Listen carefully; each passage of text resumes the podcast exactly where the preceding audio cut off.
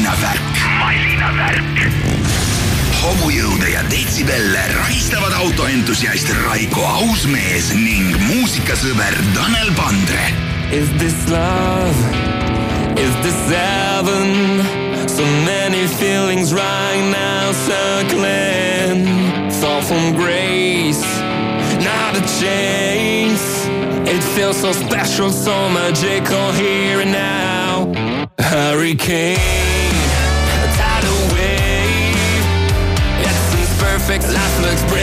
Give me more of this.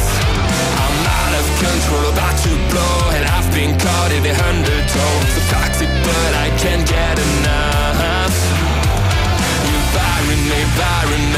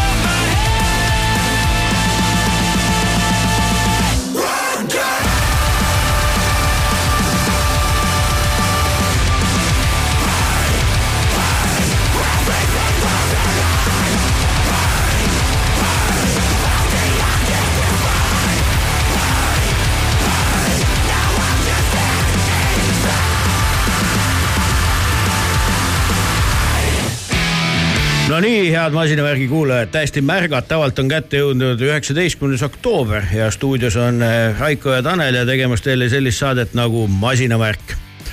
neljapäev mõnusalt huvitavalt algas, on ju, ma ütlen ikkagi selle välja, et ei, paanikaks veel põhjust ei ole ja ei ole nagu otseselt vaja joosta rehvivahetuspunkte umbe. teistpidi, tark inimene sellises olukorras ikkagi tormab.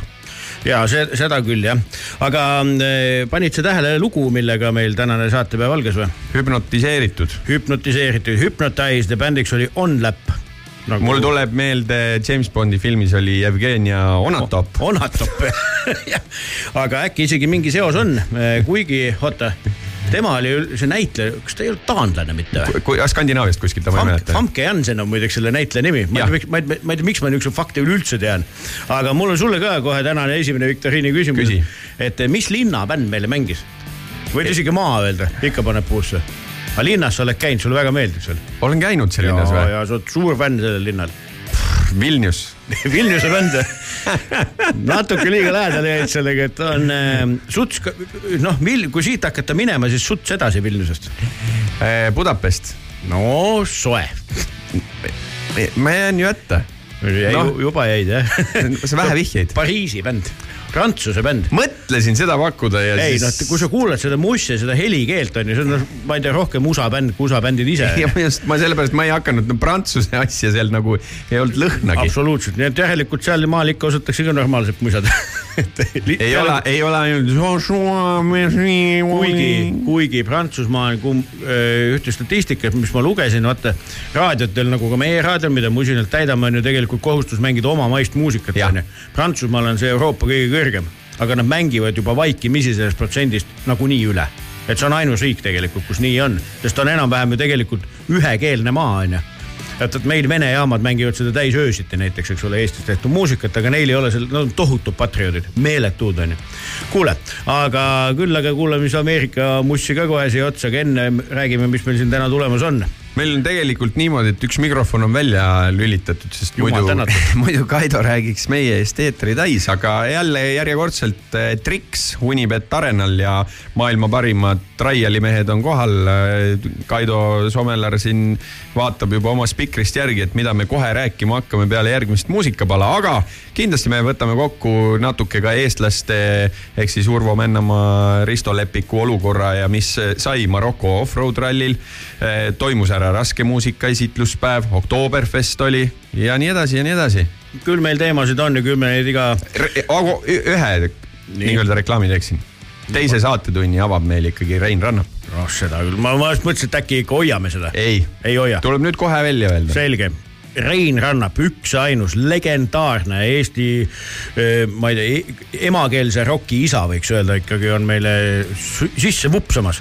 Okei okay,, aga kuulame nüüd seda lubatud Ameerika muusikat ja, ja eh, Lenny Kravitz oma tutika looga, mille, mis kannab väga veidrat pealkirja TK neli, kaks, üks ja Raiko juba teadis, mis see on, erinevalt minust.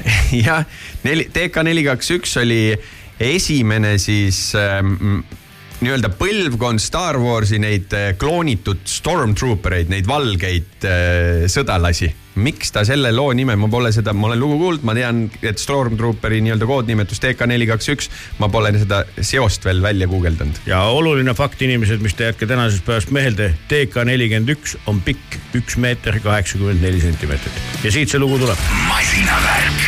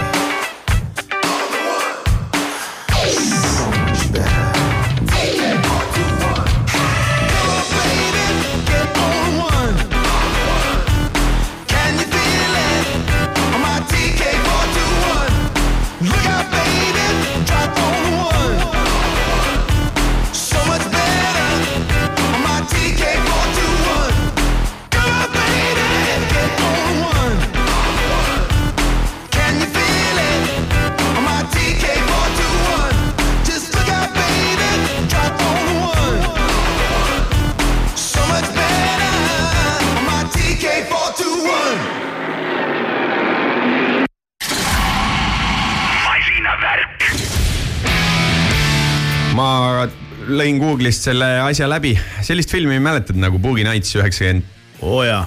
Boogie Nightsis oli siukene tseen, kus äh, müüja stereopoes müüb ühte mingit võimendit või receiver'it või midagi mm. -hmm selle mudeliks oli seal ka märgitud TK neli kaks üks. nii et ei tea, kuhu see referents viib. pigem sinna, ma usun. no seal oli, kusjuures taustaks, ma kuulasin kiiresti ka seda klippi, seal taustaks oli ka sihuke sarnane, noh, see tegelikult, kui sa kuulad seda Lennit, see on sihuke Boogie Nightsi pigem on ikka väga sinna, mitte, mitte Star Warsi. Aga me ei tea seda. Me ei tea seda. Jaa pigem ikka suurte M-idega mehed kui need kosmosekutid. kas sa tead, kui suured, Boogie Night selle ümber käiski see film. Jah. okei, kuule, aga mitte suurte M-idega meestest me hakkame kohe rääkima, need, kes julgevad asju. Kohoonesega mehed. Kohoones, Jaa, kohoones. kohoonesega mehed. nii, tere tulemast, Kaido Somelar, kes on meil järjekordselt kokku keeramas sihukest sündmust nagu Triks Eesti, Triks Tallinn, mis selle pealkiri on? Triks kaks tuhat kakskümmend kolm, Nonii, ei Eestit ega Tallinnat, et äh, ma ütleks isegi, et selle regiooni triks. No vot, vot, vot, okei okay,, Triksi see on eh, Traieli s- a- aasta oodatuim sündmus või? kuidas te seda välja reklaamite? ma isegi julge häälega ütleks, et see võib olla Eesti kõige ägedam motosündmus, et äh, kus, kus lühikese ajaga sellist adrekat laaditakse üles-alla, et noh, pigem nii Nonii, ühesõnaga, millal ja kuhu tulema peab, et seda adrekat saada? Eh, Unibet Arena.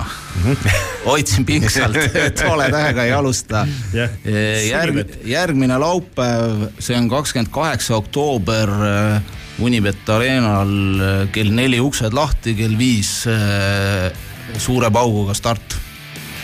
nii, ja keda siis starti on oodata, et mis kõik on ägedamaks läinud võrreldes selle ajaga, mis on nüüd aasta aega, nädal aega vähem kui aasta aega tagasi? kas me Tony Bowd näeme?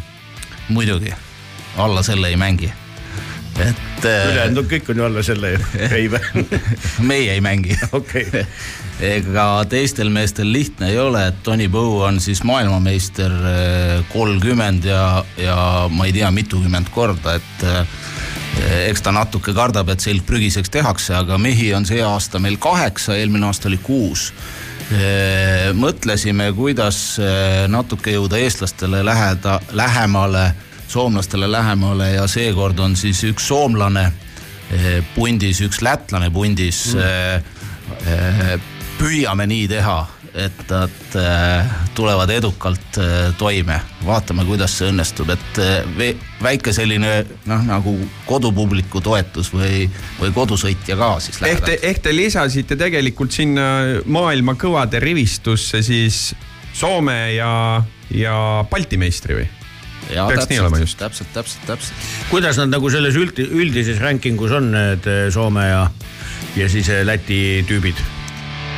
sama kaugel kui Tartu okay. Tallinnast, et äh, jala annab uhada, aga, aga nad on tublid mm, -hmm. nad hakkama saavad kas see möödunud aastane sündmus oli ju tegelikult selline pikk ja sündmusterohke, et kas ta nagu ajalises plaanis on, on, on samasugune, noh, ma pean just silmas, et kui kaks sõitjat on ju, tegemist on ikkagi suures osas individuaalalaga, et kas seda siis on nagu pikem päev ka? ei ole pikem päev, et eh, me pigem proovime hoida väga tiheda võistlusprogrammiga eh, samas ajamahus, et eh, see on kolm tundi kahe lühikese pausiga, pausid sisustatud, aga kogu aeg tegelikult võistlus käib ja, ja rajad uued ja, ja noh, seda avastamist on kogu selle aja jooksul kas siis see ajaline kestvus oleks siis umbes kella neljast seitsmeni, millega peaks inimene arvestama? Eh, neljast uksed lahti, viis okay. start, viiest kaheksani võistlus sa ütlesid, et rada on uus, kas see rajameister on see, kelle nime ma loomulikult ei suuda meenutada? Jordi. Jordi, just. et sama kuulus Jordi on see, kes selle raja nüüd on omas peas juba projekteerinud kuidagi täitsa teistmoodi. Nende hispaanlastega on asjad muidugi teistmoodi kui meil, eestlastel, et äh, eelmine aasta me saatsime kaks nädalat ette rajaskeemi ja elemendid ja siis ta tuli kohale, sügas kukalt ja ütles davai, hakkame tegema, et ma mõtlen käigu pealt.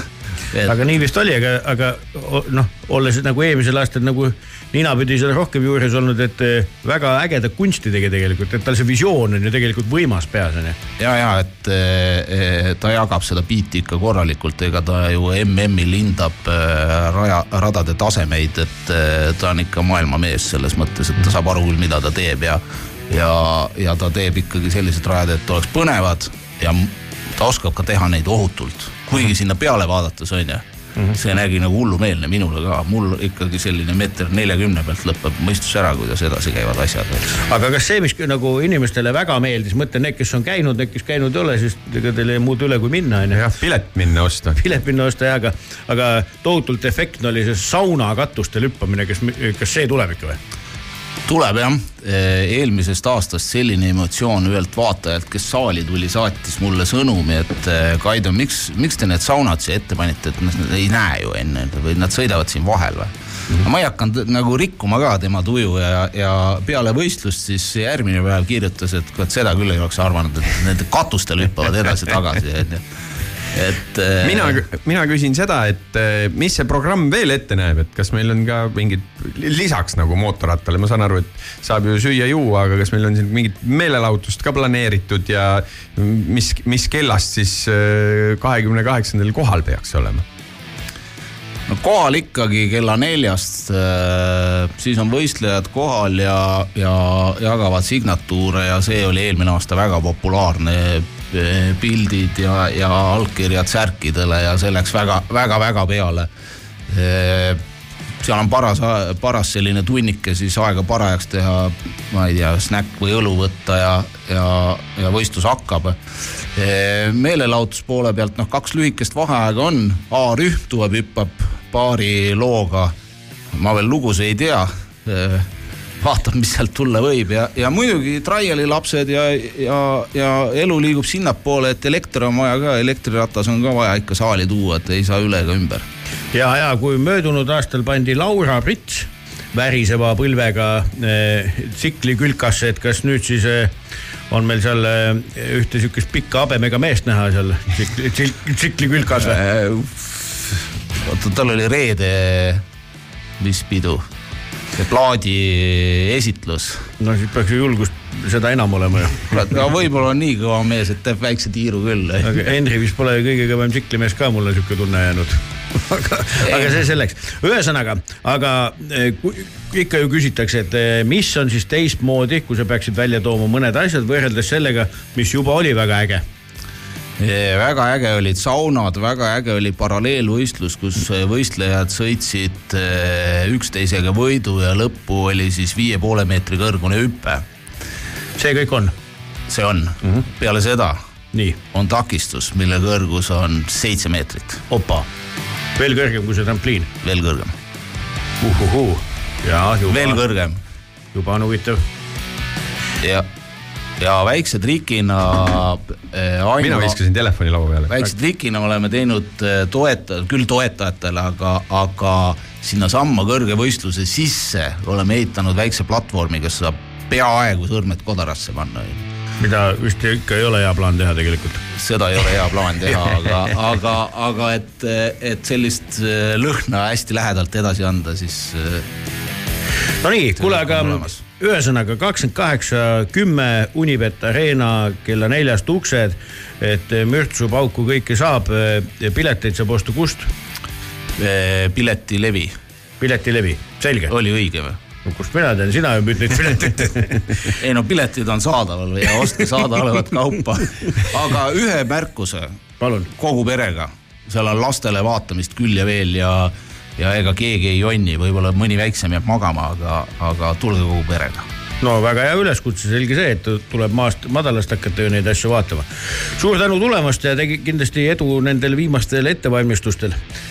et eh, kuulame siia ühte sellist huvitavat eh, lugu, mis ju läheb ka teemasse. see on täpselt see, et mine sinna selle platvormi peale. ja, ja just, just, just, no vot Grab the wheel. Grab the wheel on loo pealkiri ja, ja Milli on esitajaks, siit tuleb.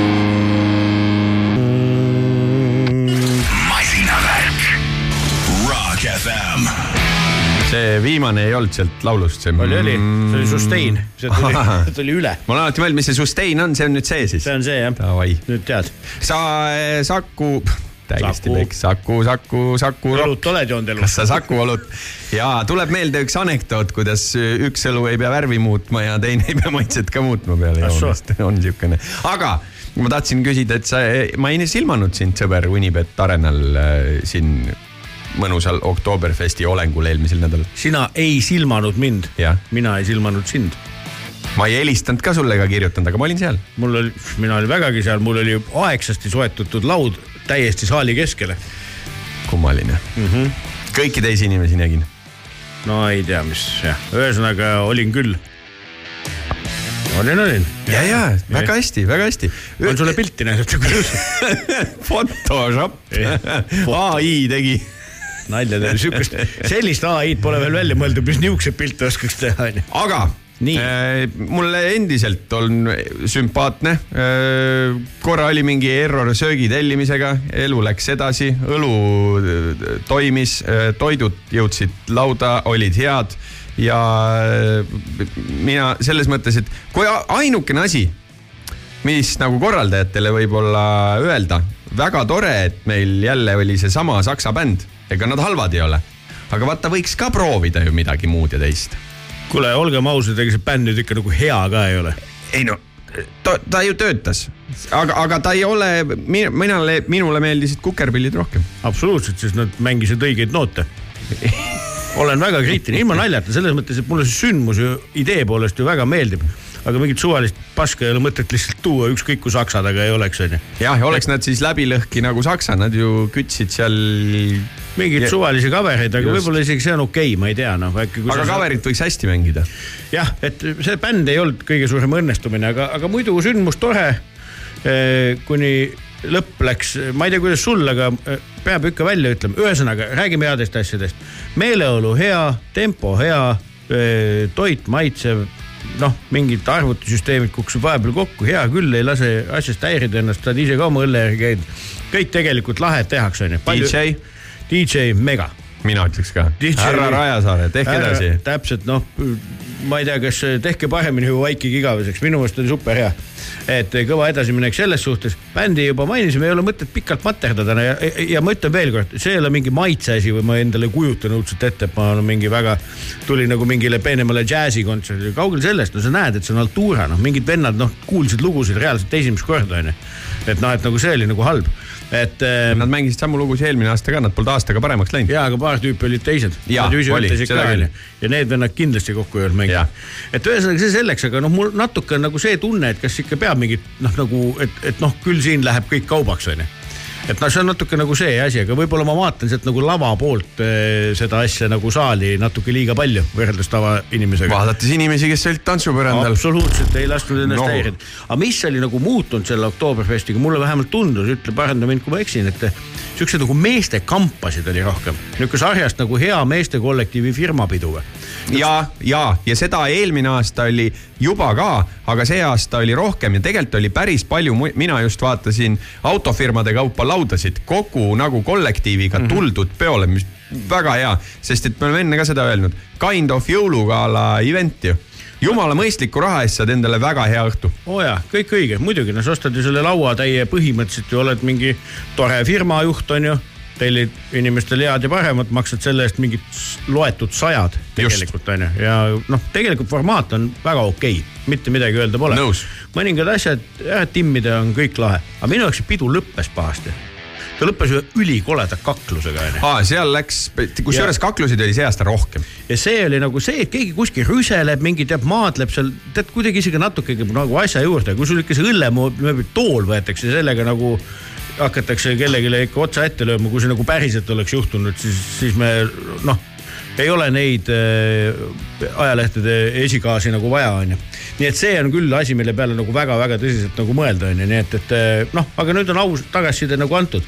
et äh, loodetavasti tehakse omi järeldusi ja järgmine aasta jälle aga üks teine sündmus oli, kus mina ei käinud. Mina käisin, aga sain kahjuks olla ainult äh, pool aega. tõesti, mu sü- süda valutas, et ei saanud olla lõpuni, aga, aga ka ikka parima sõbra juubel vajas tähistamist, nii et, et jagasin ennast kahe koha vahel.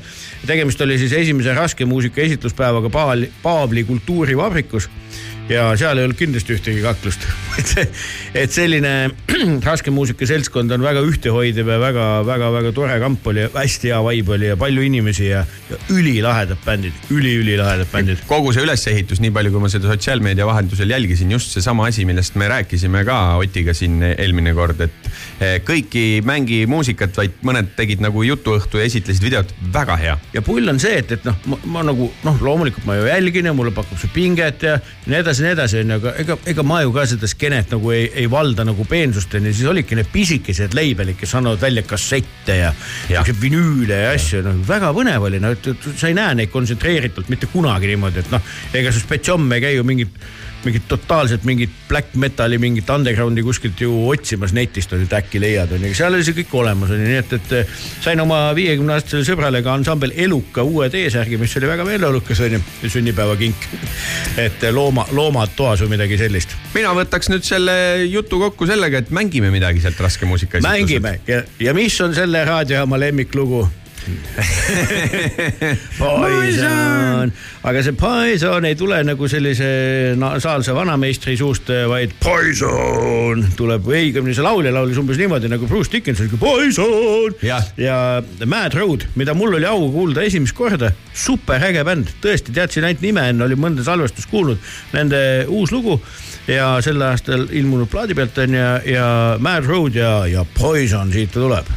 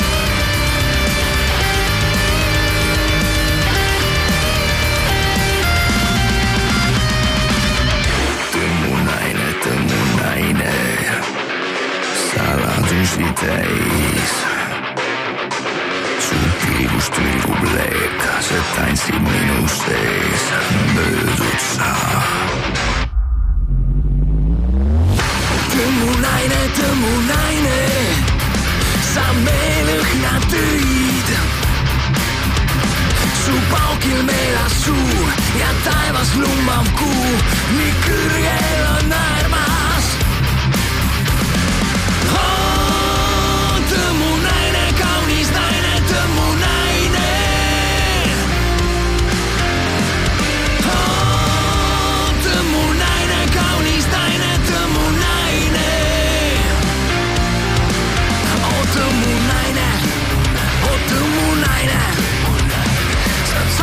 Saladusi täis.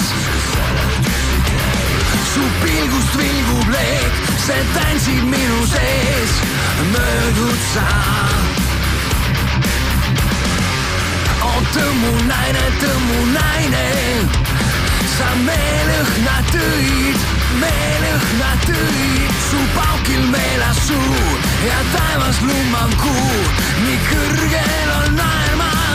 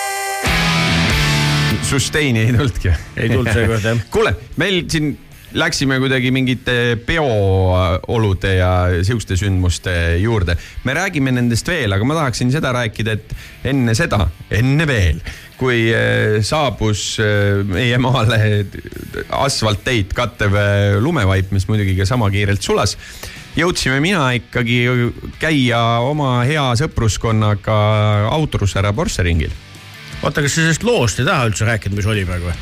sellest me kohe räägime Okei, ma räägin okei. kõigepealt autodest. aa, ma mõtlesin, okei okay,, mul läheb nagu meelest ära. aa, no sa hoia seda, hoia seda mõtet hoia seda mõtet.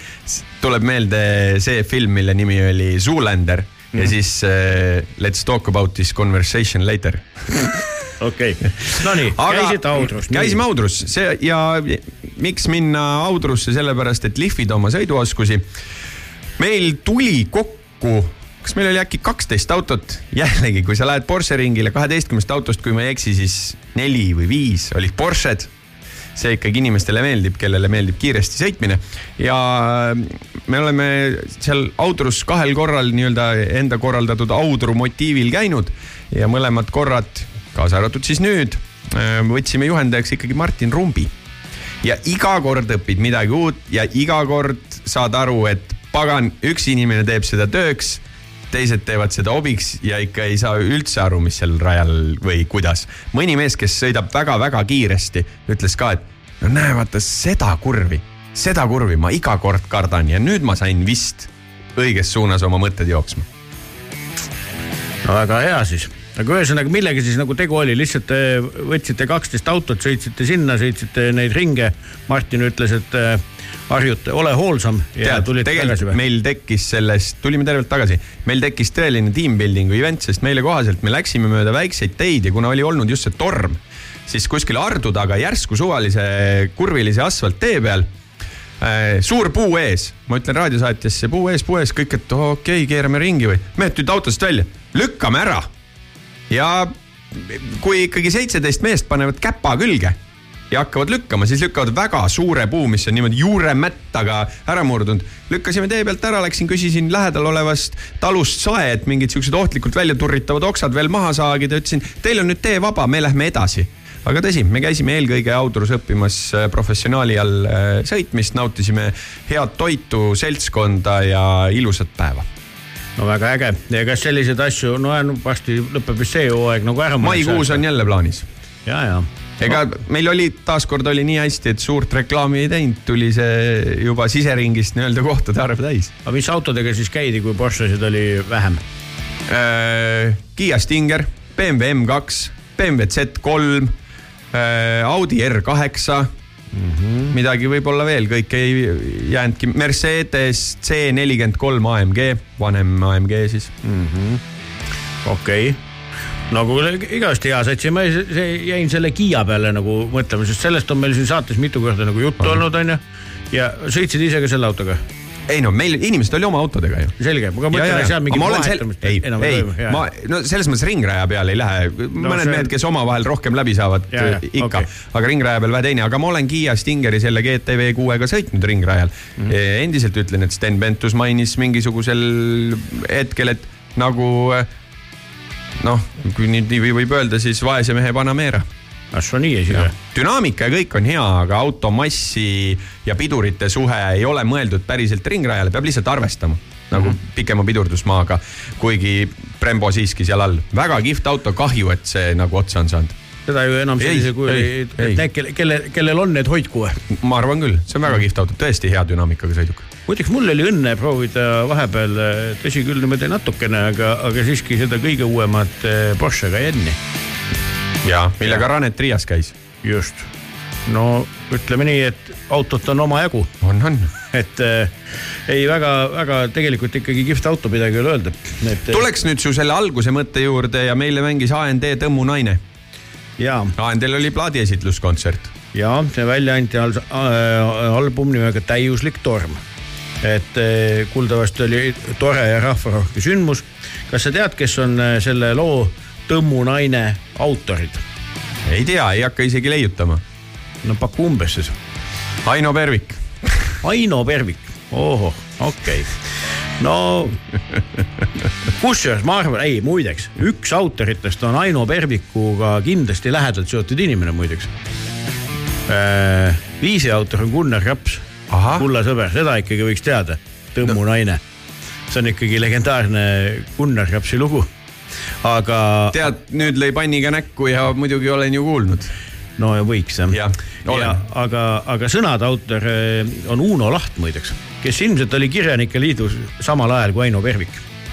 et eh, ma julgen oletada ja kindlasti nad siis eh, said niimoodi mõelda kunsti kõrgematest vormidest, et, et erineva eh, pitsikese taga, ma kujutan ette, aga teadmata sellest ajast ja nendest inimestest isiklikult midagi. aga, aga seos on siin olemas. On meil väga- ei ole juhuseid. ei ole, ei ole, Tõmmu naine ja Gunnar Raps ikkagi kannab edasi seda vaimu, et taaskord eh, Gunnari lähedaste eh, muusikute poolt leiab aset selline sündmus, mille, mis kannab nime Gunnar Rapsi mälestuskontsert, siin on veel natuke aega. aga siiski piletid tulid müüki, jälgige reklaami, see on kahekümne neljandal novembril Kochi aitades. nii et kellele tegelikult vanameistri lood ikkagi korda lähevad ja eh, hinges püsivad, siis saate neid jälle kuulda eh, Gunnari siis nii-öelda kaasaegsete poolt. et, et igal juhul eh, jälgige, jälgige seda, kust pileteid saab ja ostke varakult ära. et eh, kindlasti tuleb keegi meile sellest rääkima ka aga nüüd sinu selle ringraja jutu juurde tagasi tulles, kuulame siis sellist lugu eh, Break the Break Davai, mis keegi, mida, mida mängib meile sihuke bänd nagu Extraordinary Heroes. tead, mida mulle on öelnud ikkagi erinevad sõiduõpetajad? nii. ära. karda piduripedaalile vajutada, ta ei murdu ära. masinavärk,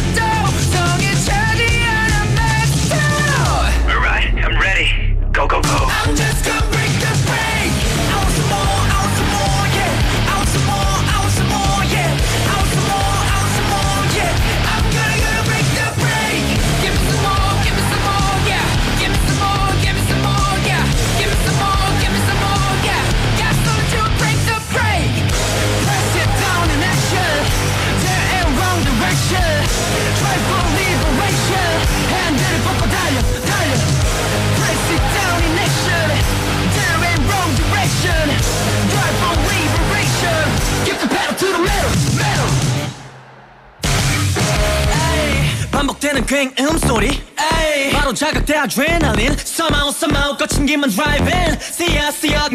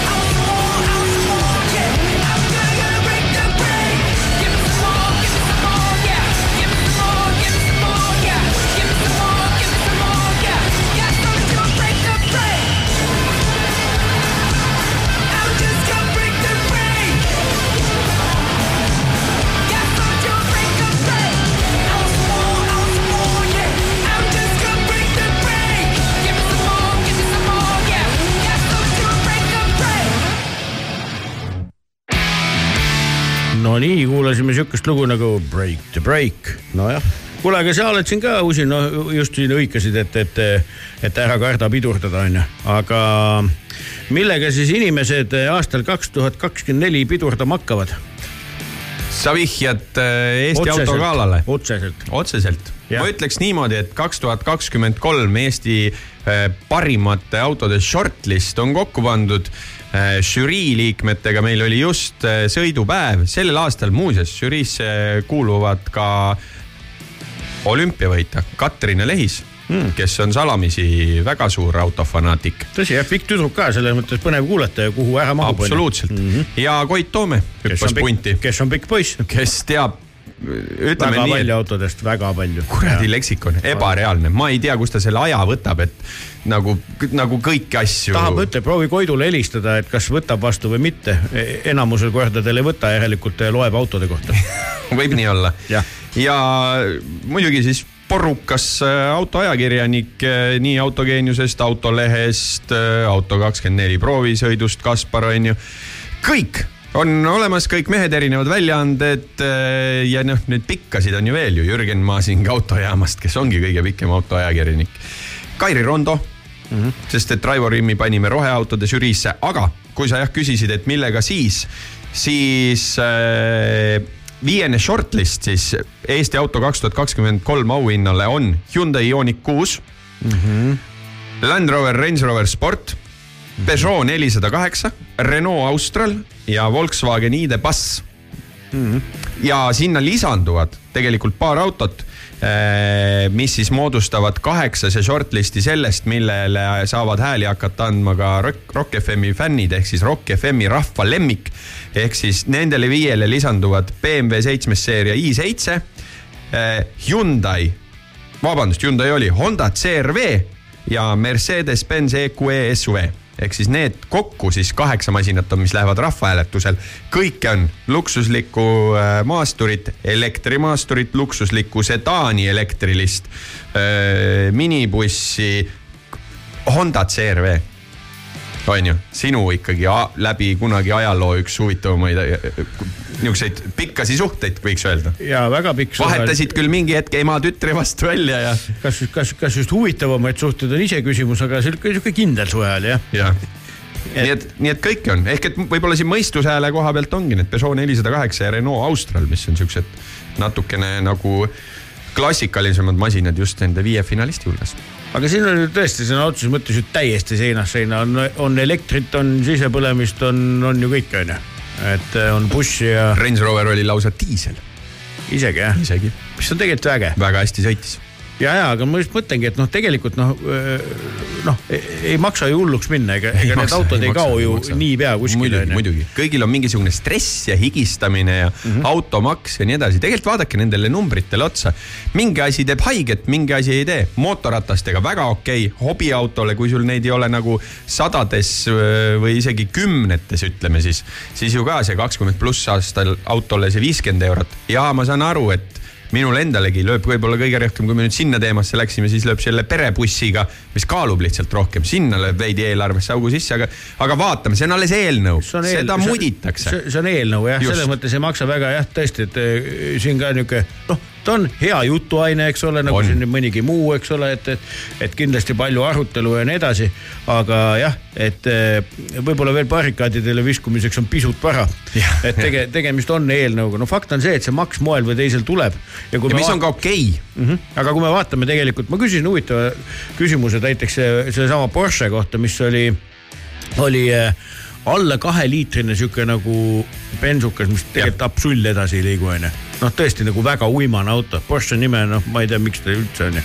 aga väga lihtne, et on ka maid, eks ole, kus ju kubatuuri järgi on automaks On. ja ta ongi alles selle. kõik, kogu Vastab lugu, kogu vastas jah, et sa saad küll nagu Porsche, aga noh, sõita ei saa, et. ühesõnaga, tulles Jah. tagasi sinu algse küsimuse juurde, jah, www.eestiautogala.ee ja kõik Eesti Autogala sotsiaalmeediakanalid. Minge palun otsige nüüd, kes te kuulate Eesti Autogala üles Instagramist, Eesti Autogala üles Facebookiks, hakake jälgima ja saate olla infoga kursis ja kõige olulisem on esimene detsember, kui Elisa Stage'il algab otseülekanne, aga mina kuulaks muusikat, kaks muusikapala, sest et kohe-kohe-kohe-kohe saame Rein Rannapiga hakata juttu rääkima. just ja meil eh, juhatab selle saatetunni välja, kui nii võib öelda, Devil You Know ja see on ka üks uus lugu ühelt väga-väga kihvtilt USA tüübilt, kes kannab nime Tim Montana.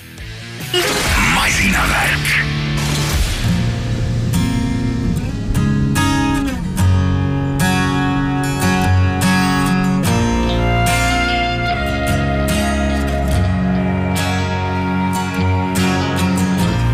devil you know and a devil you don't. One's in your head and one's in your soul.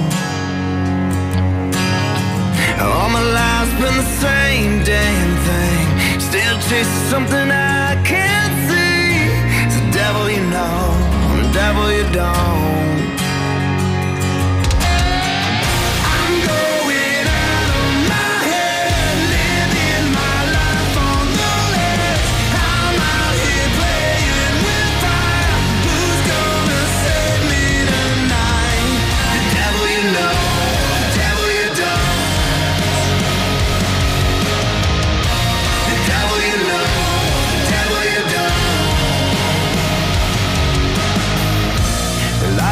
tell, the secret to keep. They live in the dark till you go to sleep. Keep singing those nightmare songs. while.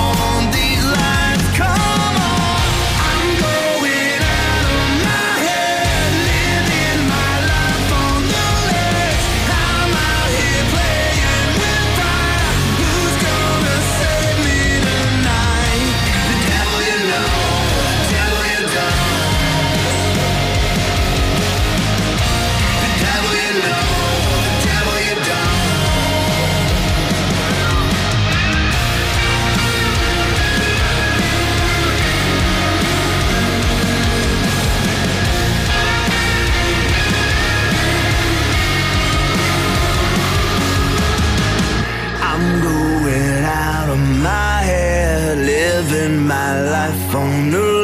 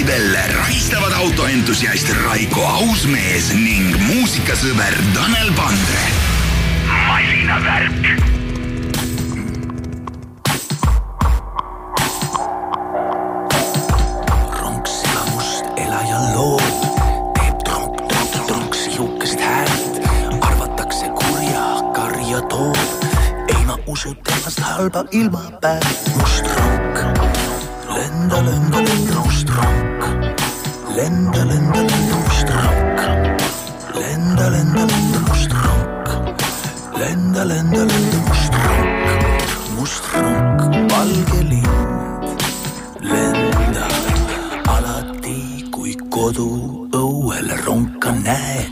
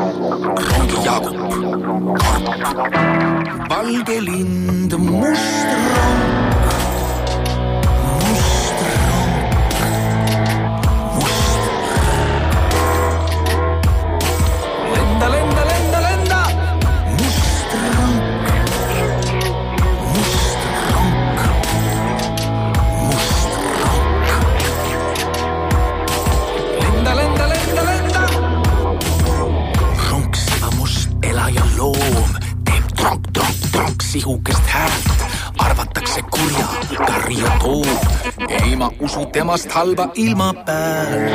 kui sa ütled ronga isa, valge lind võib tõsta kihv. kui sa ütled ronga ema, siis sa solvad ronga ema must rauk.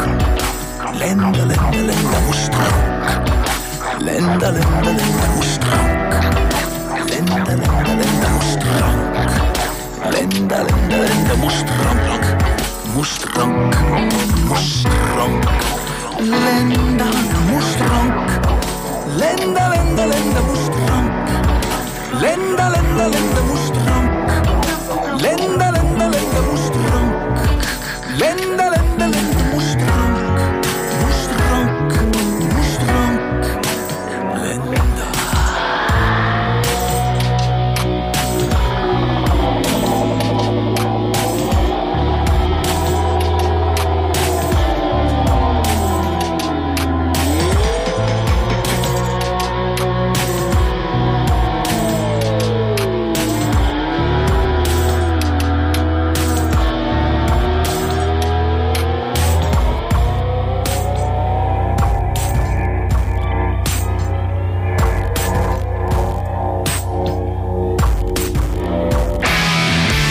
nii, head masinavärgi kuulajad, üheksateistkümnendal oktoobril, kes oleks võinud uskuda, et eh, igihaljast klassikust Must ronk on olemas ka selline versioon ja miks see kõik nii on?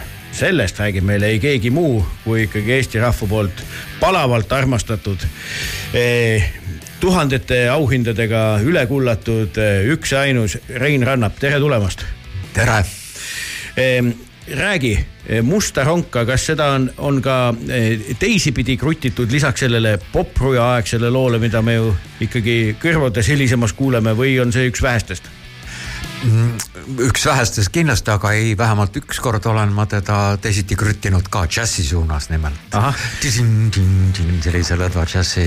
no vot, vot see siis viis meid tagasi mõne aasta tagusesse projekti, kus siis eh, Rannap ja Lepland koos eh, suurepäraste ägedate muusikutega siis eh, tegidki terve plaaditäie nii-öelda eh, sellel hetkel ägedaid nägemusi tuntud lugudest, aga, aga põhjus miks ikkagi meil täna maestro on külla kutsutud, on ei midagi muud kui eh, ümmarguse numbriga, mida keelati meile öelda, eks ole, ja me siis ei ütle ka. 30. jah, aga number on ümmargune. et eh, sul olid juubelikontserdid, kuidas need läksid?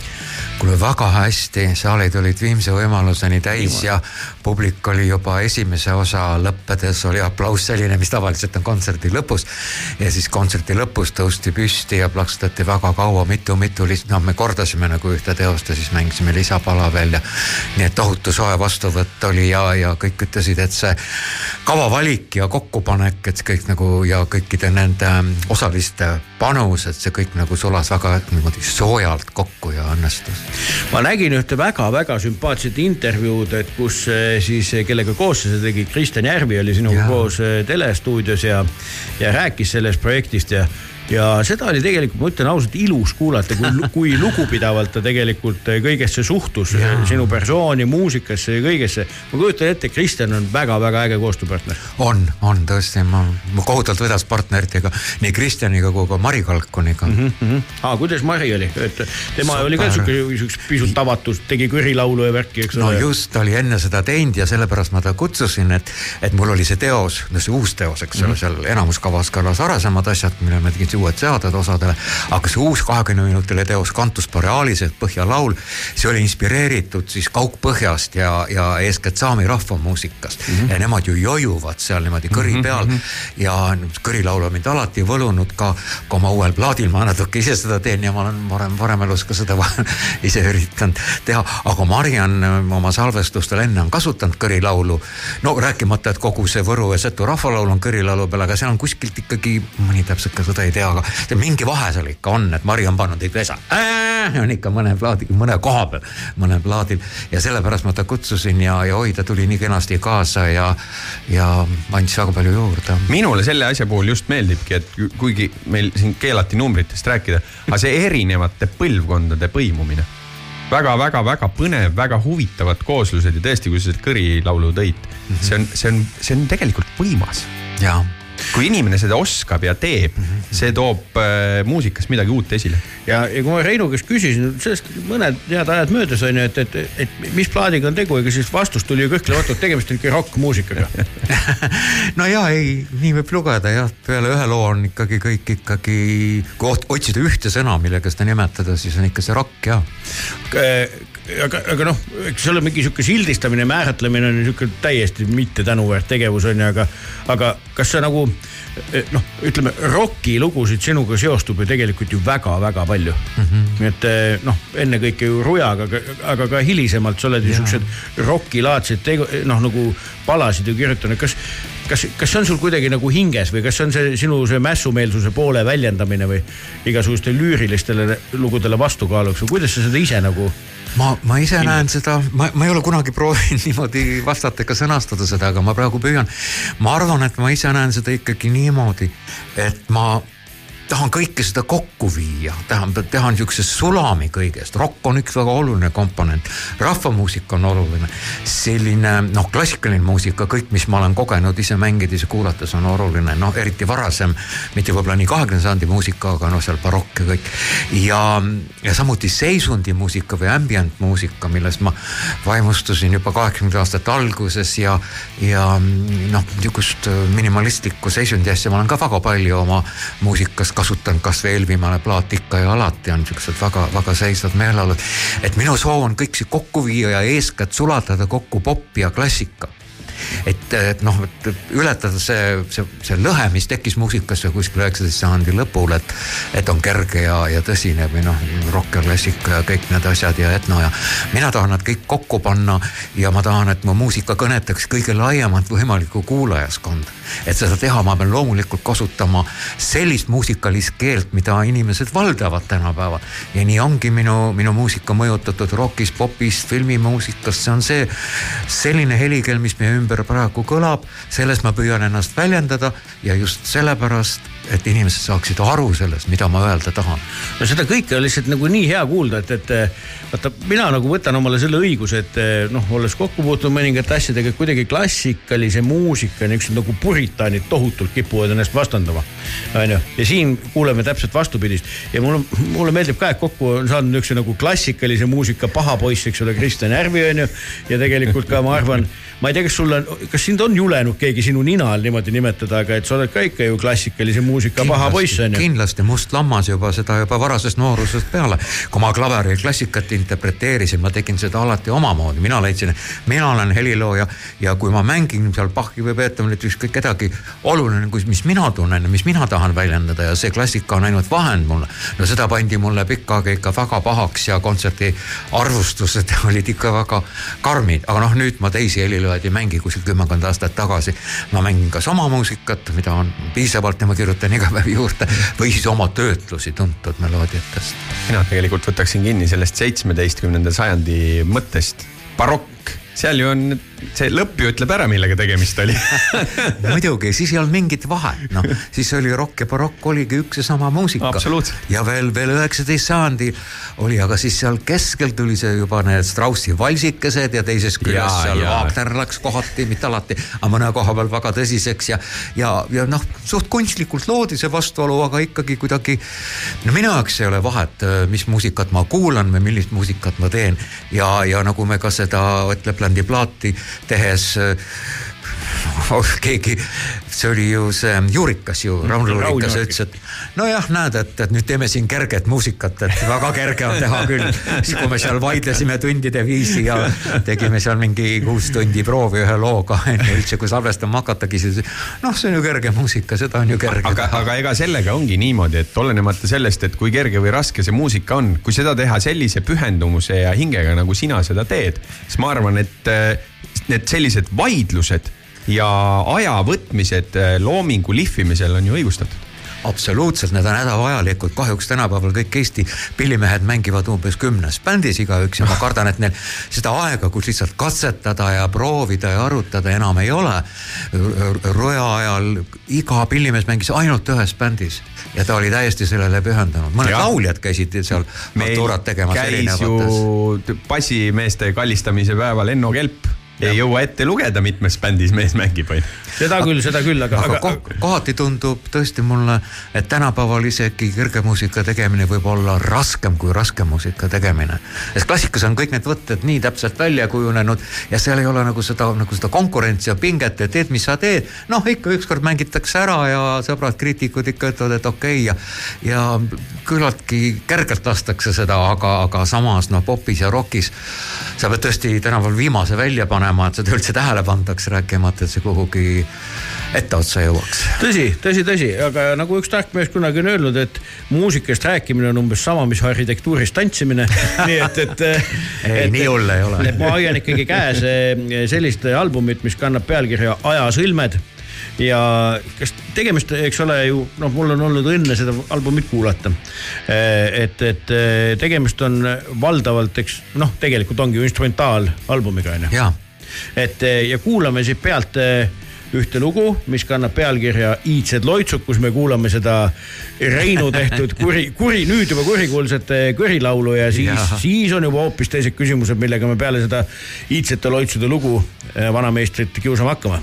võib-olla enne seda tasuks öelda, et kõik löökpillipartiid sellel plaadil on salvestatud, prepareeritud ehk ettevalmistatud klaveriga, ma olen toppinud erinevaid objekte, kumme, kruvisi klaverikeelte vahele ja kõik see, mis tundub nagu löökpill või trummikomplekt, see on tehtud klaveriga. kuulame.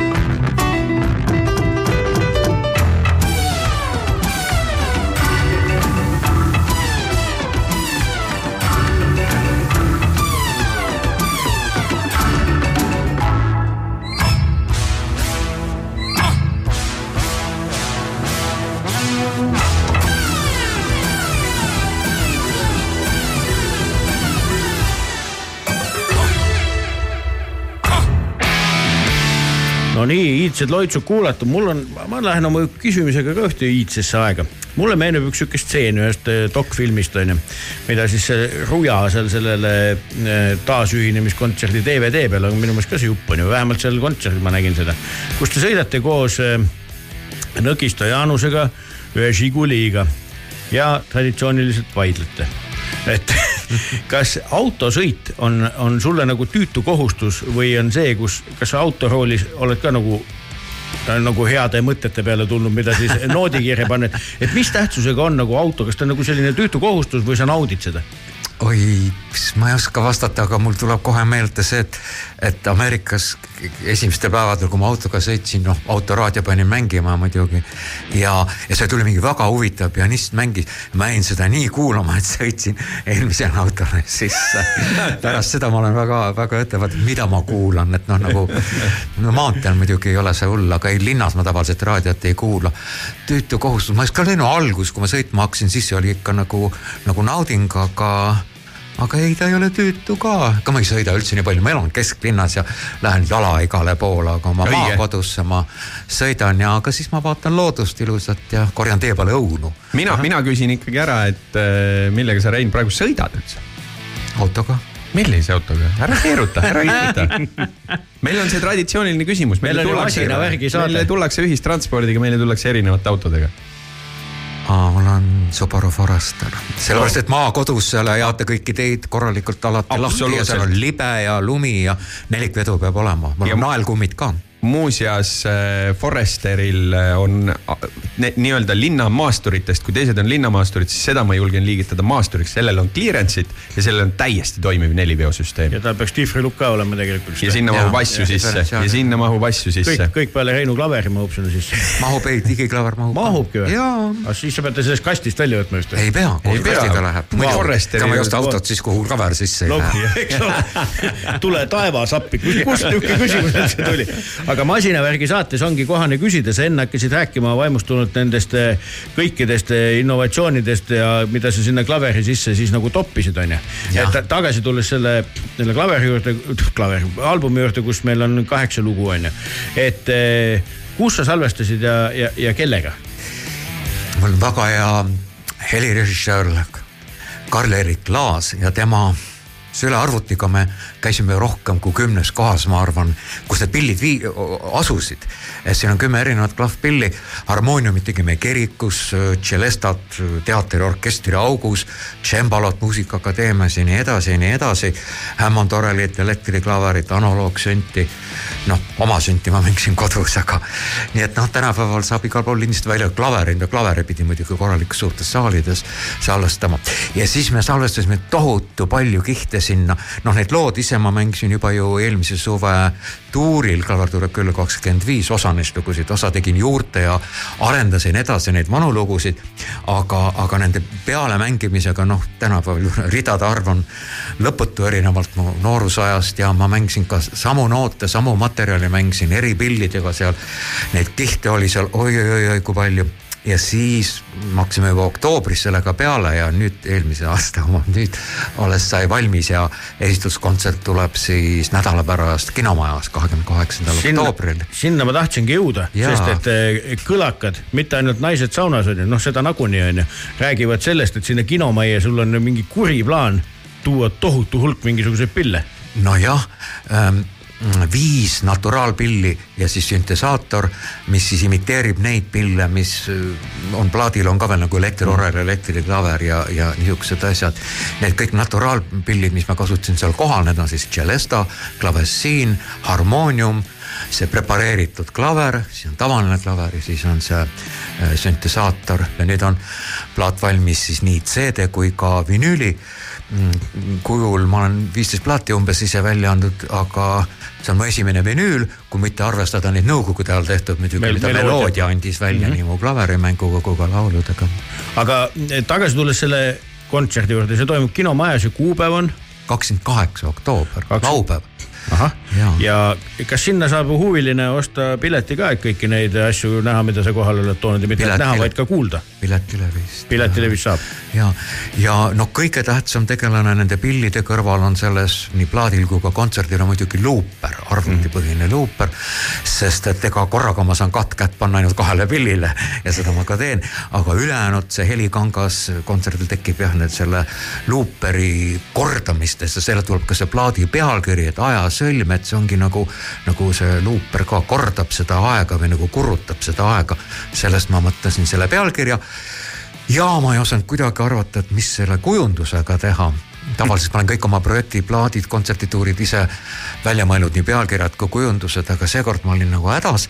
ja seega ma nägin ühte nä- näitust, Valdek Lauri näitust, kõik oli ai-ga tehtud pildid ja siis ma palusin temal ka sisestada arvutisse kaks sõna inglise keeles time nuts ja sain endale uhke kujunduse kui keegi tahab näha, milline see ajasõlmede kujundus välja näeb, siis ma ütlen, et üks hästi lihtne asi on.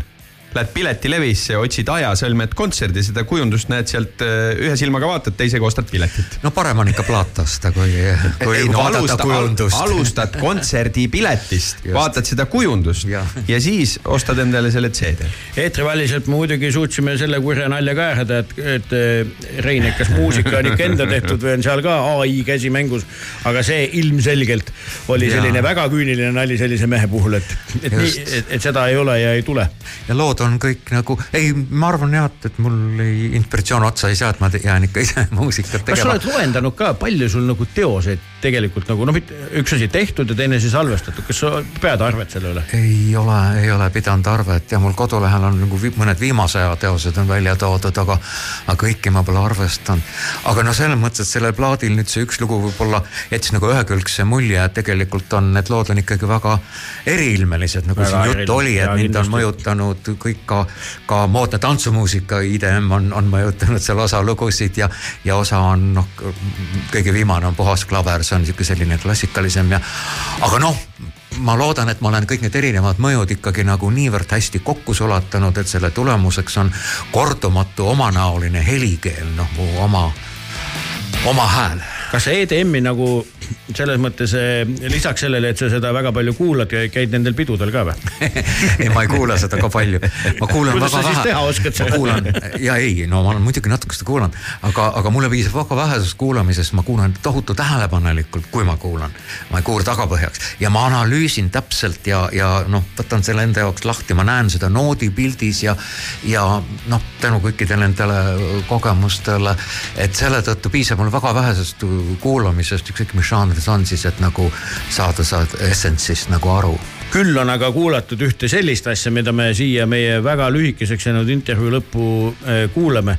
vaata äh, ikkagi nagu kidrameestel on sihuke nagu, nagu see riff on nagu kõige olulisem, eks ole, nagu see riffi ümber käib nagu värk. no pianistidel ma ei ole sihukest väljendit nagu liiga palju kuulnud, onju. aga üks riff, ma arvan, mida on nagu üks endast lugupidav kidramees ja võib-olla ka pianist ja kindlasti ka bassimees nagu mänginud, kes võib-olla noh, on sündinud, ma ei tea, seitsmekümnendatel või kaheksakümnendatel, mis iganes, on inimene õpib. See on ikka ju legendaarne käik onju. ma hakkasin mõtlema, kas ma oskan seda, ma saan seda nüüd harjutama sa hakata. võid, võiks seda küll harjutada jah. see on jah, no siis tookord sai taotletud maksimaalset lihtsust, et kõik oleks nii lihtne ja loomulik kui, kui vähegi võimalik ja aga kas sul sellega, ma no vot, sa andsid mulle küsimusele ju sisu selles mõttes, et kui sa ütled, et sulle piisab, noh, et kuulad mingi kaks minutit EDM-i, tead täpselt, kuidas teha, et kas sa siis kuulasid mingi kaks minutit eh, Black Sabbathit ja Deep Purple'it ja ütlesid nii, see riff käib nii. jah, ma arvan küll, et umbes see nii oli. kas just kaks minutit, aga no ütleme ühe mm, plaadi, mille siis Urmas Alender oli mulle makilindile ümber võtnud. kuule, ma kinksin sulle kunagi ühe kantriplaadi, kas sa seda oled kaks minutit kuulanud ja kas see kantrilugu. anna andeks, anna andeks, Taane, ma veel ei ole kuulanud. Kuulge mehed veel. ma tahtsin öelda, see ei ole siin Rannapuu mingisugune viimane plaat meil laua peal, kantrini ta jõuab ka. Kuressaare kantri Rein Rannap, ma oleks esireas esimene inimene. väga tore, kuule suur-suur tänu Rein tulemast ja, ja igal juhul selle plaadi esitluskontserdil, juubelikontserdil äh, ma loodan väga suurt osavõttu ja, ja katsun ise ka kindlasti kohal olla ja lõppu ei saa me ikkagi üle ega ümber, kui ikkagi inimene õpib looga, sest nagu kuulda oli, aastad ei ole takistuseks, et õppida EDM-i ja mida iganes on ja, ja mis Ei. põhiline, rokki ikkagi juurde. Lähme sinna kaheksakümnendate algusesse. Just, suur-suur tänu. aitäh sulle. aitäh.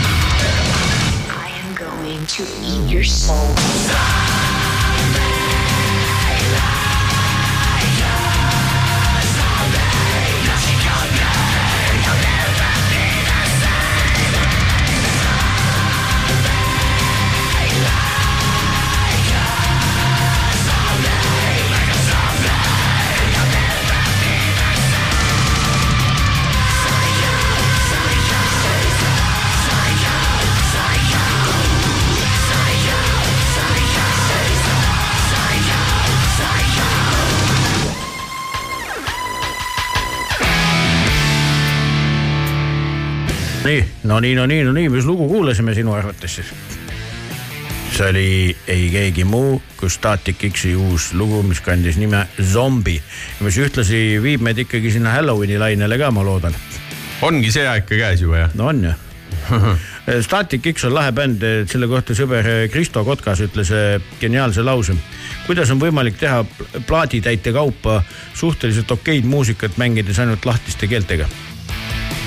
Et kui sa kuulad Static X-i lugusid kõik on tut- Selge, tut- tut- tut- selge. üsna niisugused, ma arvan, et Shannon on kõvasti šnitti võtnud sellelt bändilt. tead, et Shannon ei, ei eksisteeri? mis mõttes? no kas sa ei tea siis, et eksisteerib Facebooki leht Shannoni eitajate grupp? et seda pole olemas.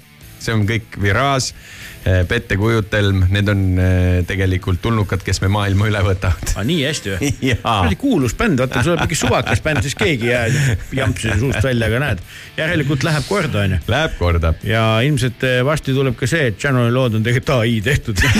see, see, see ka juhtub, onju. et eh, aga miks me räägime sellest bändist, kui meil on ka normaalseid teemasid. kuule, normaalne teema on tegelikult eh, see, et mm, seal Facebook on sul, Tanel? on küll jah, Rock FM Eestit jälgid? jälgin, jälgin ja, ja, ja, ja jälgin selles mõttes seda enam, et ega inimene on ikkagi ju saama himust ajendatud. ma tahtsin sulle öelda seda, et kas sa näed seda suurt kasti siin stuudio nurgas? näen küll ja sellest kastist me kohe räägime, sest seal sees on üks asi. noh, meil oli alguses oli see lühendiks, et millega tegu on selle asja lühend on SRS XP seitsesada.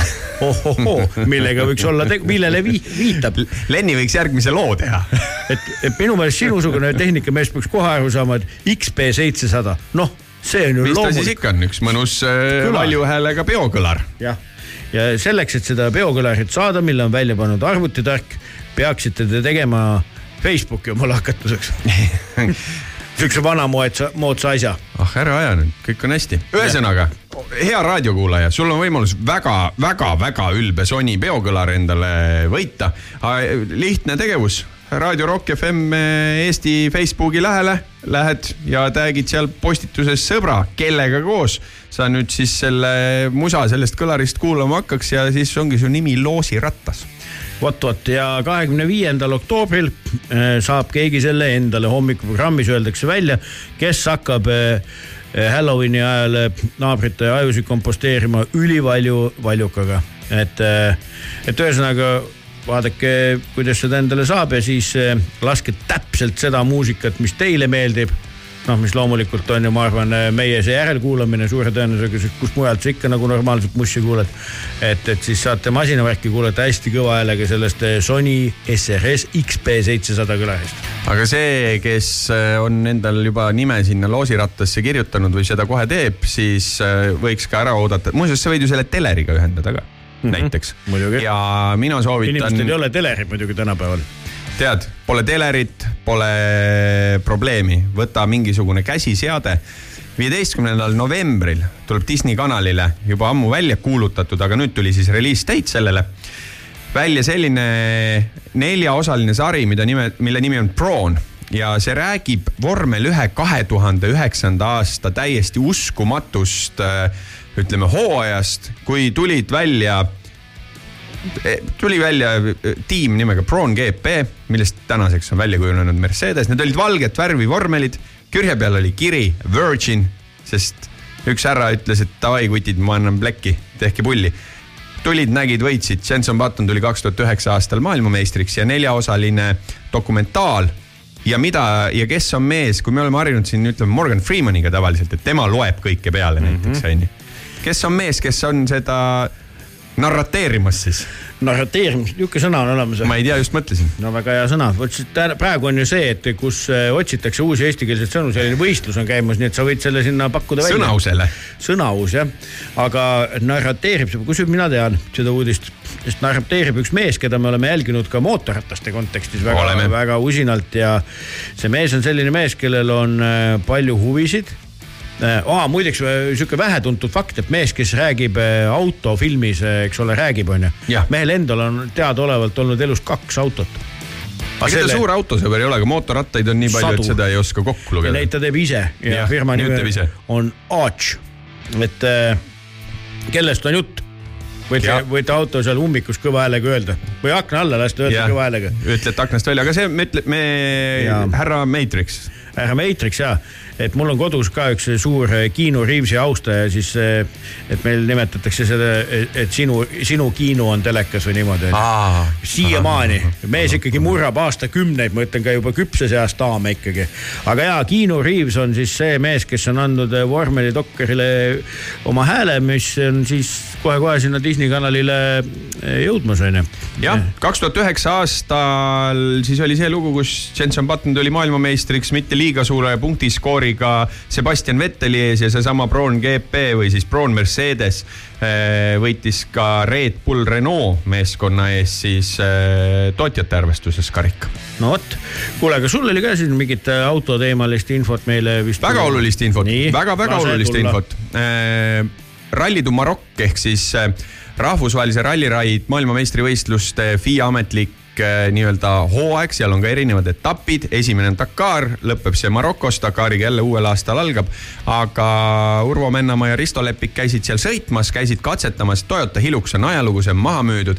käisid katsetamas Century Racingu uut toodangut, äh, millel, mis oli ka nende esimene ralliraidi masin, aga tol ajal oli see seitsmeliitrine Corvettilt pärinev V8 mootor, nüüd on see siis Audi kahe üheksane topeltturboga V6 mis seal veel edasi saab, mis Dakari ajaks saab, sellest siis, kui õige aeg on käes, aga tegelikult mehed sõitsid päris kiiresti. ja lihtsalt maratonrallide lugu, pole midagi teha. lõpptulemusena seal kas üle saja startis ja mingisugune lähes kaheksakümmend lõpetas, nad siiski lõpetasid, koht oli kakskümmend kaheksa aga ma tean, et need oleksid, poleksid, ei sobi autosporti või ükskõik kuhu võistlusesse, aga poleks olnud ühte äpardust, kus vedrustus lihtsalt murdus. ja ratas tuli alt ära ja siis tuli kolm tundi autot remontida ja nad sõitsid siiski lõpuni sellest hoolimata, siis nad oleks olnud oma nagu tempoga seal kaheksandal kohal no aga see on ju väga hästi. ei ongi, sest et mis oli oluline, mis Urvo ka ütles lõpuintervjuus, et eh, me käisime testimas, katsetamas, kogumas kilomeetreid, õppimas tüüne ikkagi Dakari tarvis, sest et sinna nad starti on jälle uue aasta alguses minemas tead, ma ütlen sulle ühe väga eh, sellise võidusõidu teemalise, tähendab kestvuse võistlusspordiliku plaadi pealkirja. noh. see on Somewhere between the power lines and palm trees. tõsi on ju? tõsi, täiesti ralliraid. on, on täielik ralliraid, noh eeldusel, et kuskil ikkagi on elekter on ju, muidu, neid power lines'e ju ei oleks, on ju. ja muuseas selle Rally du Maroki üks võib-olla oluline asi veel, et eestlased, kes ikkagi on jälginud, et millega tegeleb M-sport, M-sport ju panustab läbi selle, et Fordi tehasest tuleb Ameerikast raha ka sinna ralliraidi. M-spordi mm. võistkonna Ford Ranger, mida, mida juhtis Nani Roma, kes on ka korra Dakari võitnud mootorrattal, tulid seal võistlusel kolmandaks ja, aga kas sa oskad aimata, kellel sedavõrd romantilise pealkirjaga nagu Somewhere between the power lines and palm trees eh, nimeline album ilmus eh, mitte väga ammu aega tagasi. kuuendal oktoobril, kui täpne olla. Reinu sünnipäeval. jah. no vot, ma ei tea, kes Reinule siukse kingi tegi. no ma, Rein teeb ise endale kinki, kui ta tahab muusikat kuulata, nii et ta ei kuula ju teiste muusikat, nagu ta just ütles. ta ütles, et ta kuulab, ta kuulab kiiresti läbi ja teeb ja. sama asja ja paremini. seda plaati ta kindlasti kuulanud pole, sest muidu ta juba teeks siukest muusikat. Nonii, üllata. Keanu Reavesil loomulikult oh,.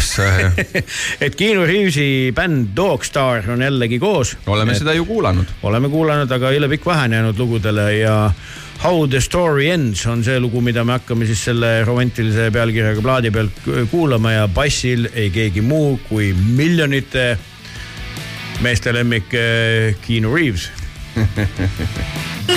masinavärk. So here's how the story goes A desperate plea. To hold on to what I know you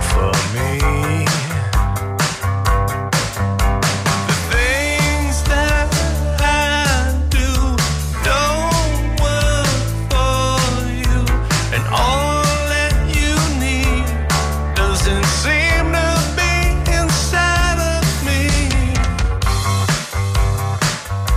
You said I'm so far away from where I need I challenged you from the start, that didn't work out for me. But the trouble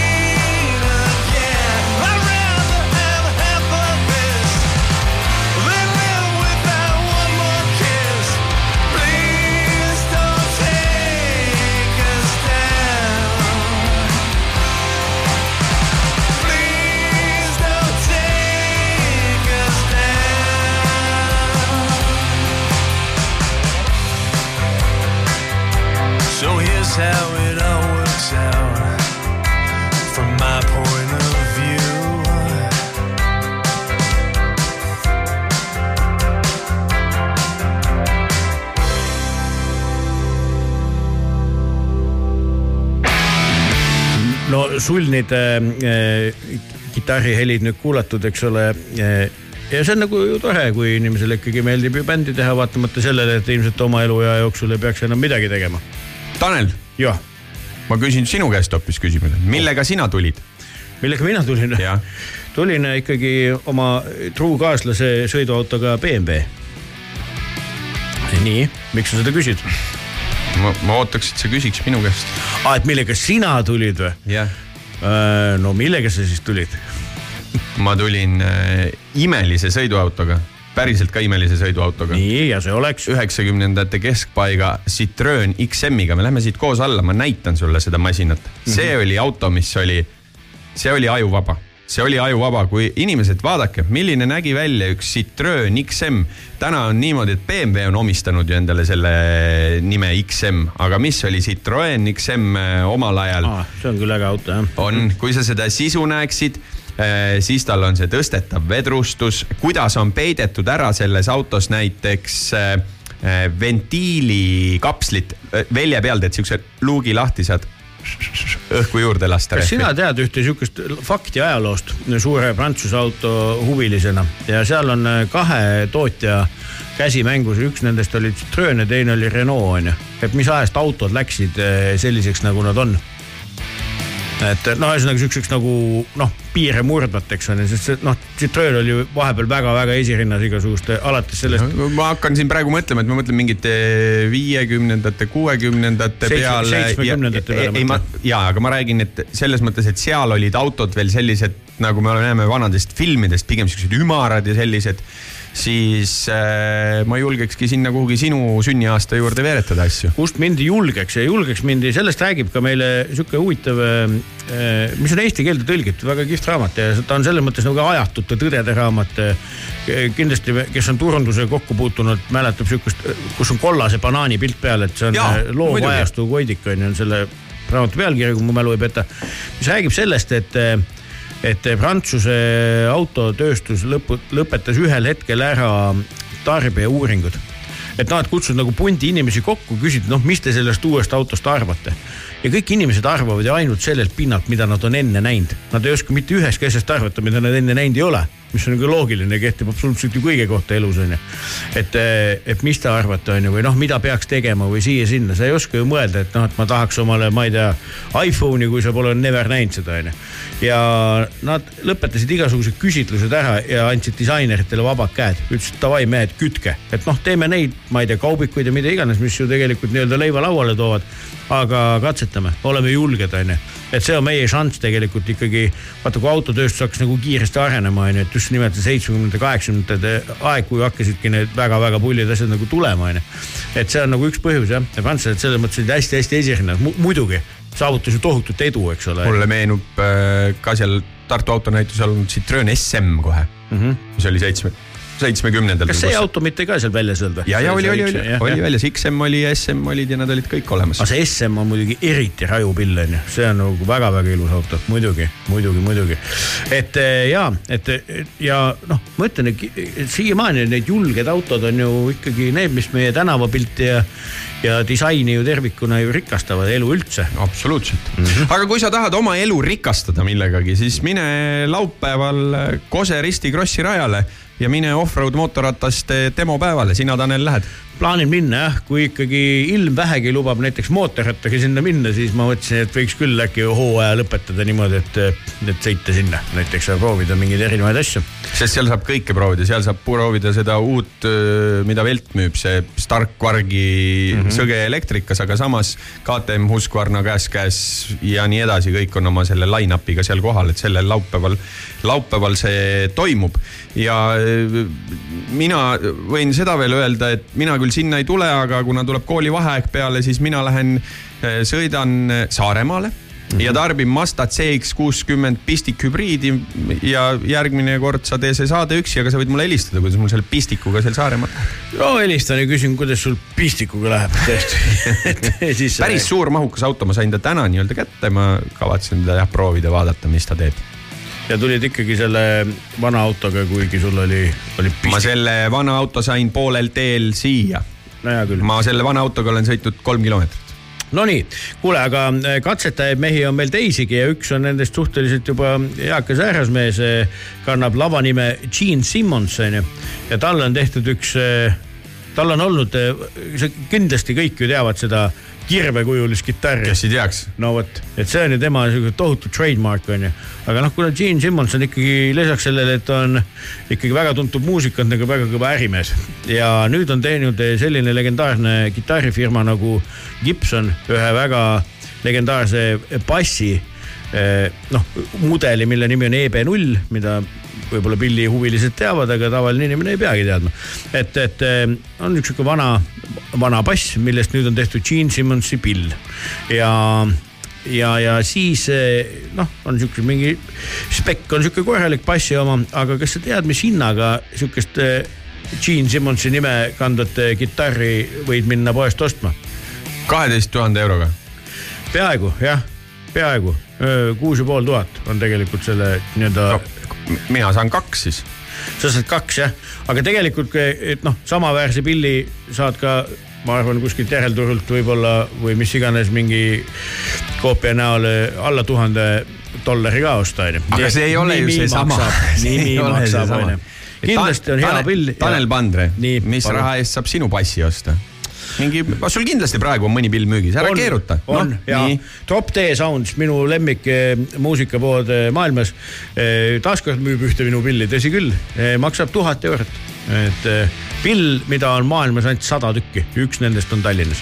nii et minge visake pilk peale, et alumiinium eh, profiiliga kael ja palju mingisuguseid erilisi asju.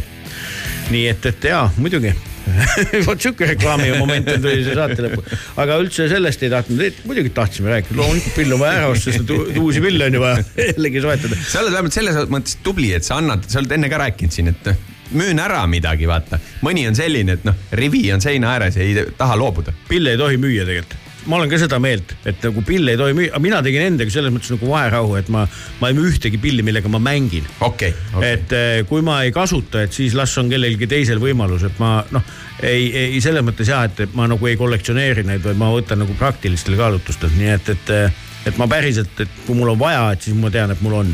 aga tead, ma ei hakanud sellest Gene Simmonsist üldse niisama rääkima, et, et ükspäev mul tuli meelde, et tal on tegelikult üks ülilahe lugu millest ma arvan, teatakse vähem kui võiks, onju. ja, ja kuna meil siin üks kõvem EDM heli- helilooja lahkus mõni tagasi ruumist, onju, et siis on Gene Simmons ikkagi ka sellise natuke võiks öelda, et isegi eh, flirtinud elektroonilise eh, tantsumuusikaga ja, ja tüüp on teinud sellise loo nagu Firestarter. See peaaegu jah, et ühesõnaga, et, et tüüp on jah kaverdanud Prodigy't, mis nagu võib-olla ei tundu kõige loogilisema komboga onju.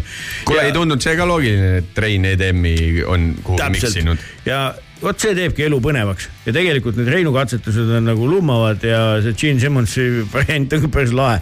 nii et, et sellist, ühesõnaga, et jutu kokkuvõte on see, et ikkagi ju katsetage, katsetage neid uusi tsikleid, katsetage, ma ei tea, uusi basskitarre, mida iganes, katsetage uusi autosid ja vanu autosid ja kõike, kõikvõimalikke asju, et, et see ikkagi annabki elule värvi ja, ja et on nagu mõnus ja tore ka et kuulame siis eh, selle üheksateistkümnenda oktoobri saate lõppu. tõmbame nüüd peo käima. oo jaa, oo jaa, et nüüd eh, eh, rokime sokid jalast ja siis tund aega vähem ja, ja siis. näeme jälle. muidugi, tšau. kuuleme, tšau.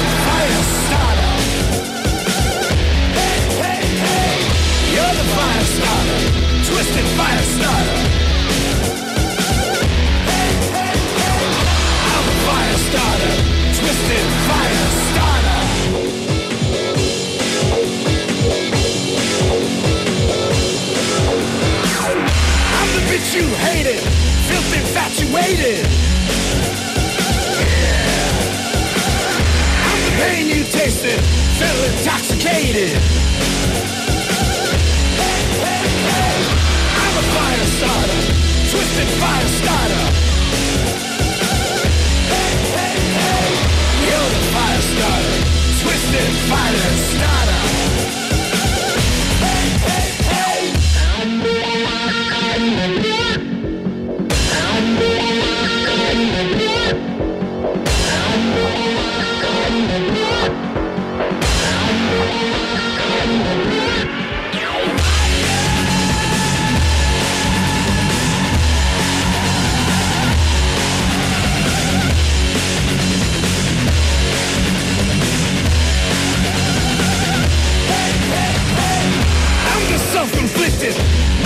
detonator.